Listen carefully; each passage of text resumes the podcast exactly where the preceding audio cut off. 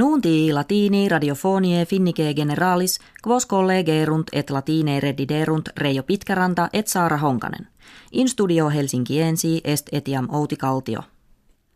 Die martis in undecim civitatibus Americae septentrionalis comitia primaria presidentialia habita sunt ad decernendum quem ex omnibus petitoribus utraque factio suum candidatum nominaret. Inter democratas Victoriam reportavit Hillary Clinton cum Donald Trump republicanis acceptissimus esset. Uterque eorum suffragia septem civitatum sibi conciliavit.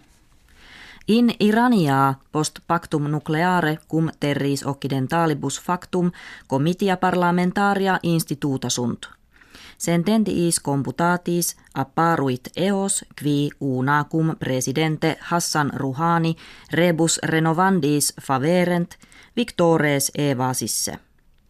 Potiti enim sunt octoginta quinque sedibus cum conservativi qui antea in parlamento prevalebant nonnisi duodesexaginta loca acciperent.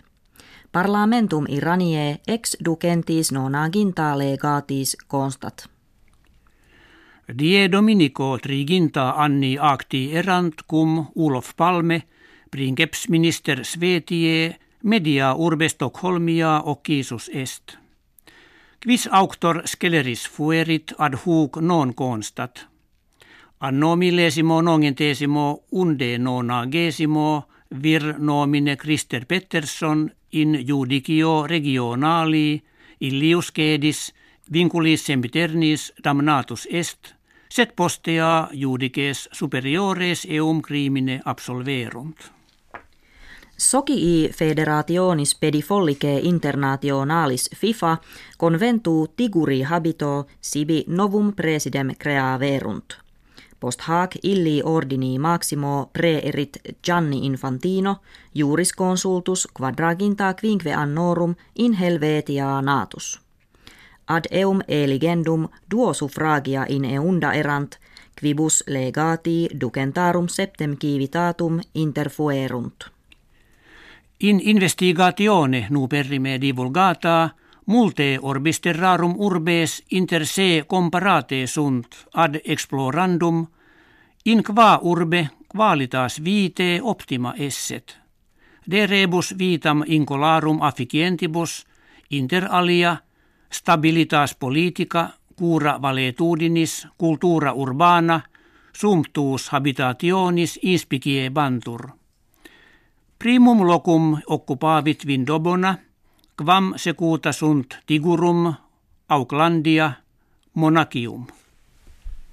In museo nationali Finlandie non ita pridem nummus pretiosissimus ante oculos positus erat – agebatur de primo dollario americano anno millesimo septingentesimo nonagesimo quarto Philadelphia excuso.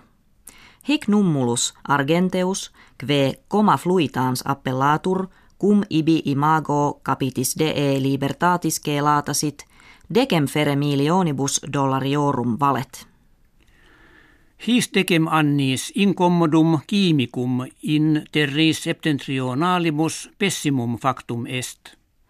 Causa huius mali videtur esse res viaria valde aucta. Quimices enim imprimis in sarginis hominum itinera facientium nidulantur, indeque huc illuc diffunduntur. Qui his scarabeis molestissimis liberari vult – sarkinas in balneo calidissimo per multas horas retineat. Hec habuimus kve vobis hodiere ferremus. Valete.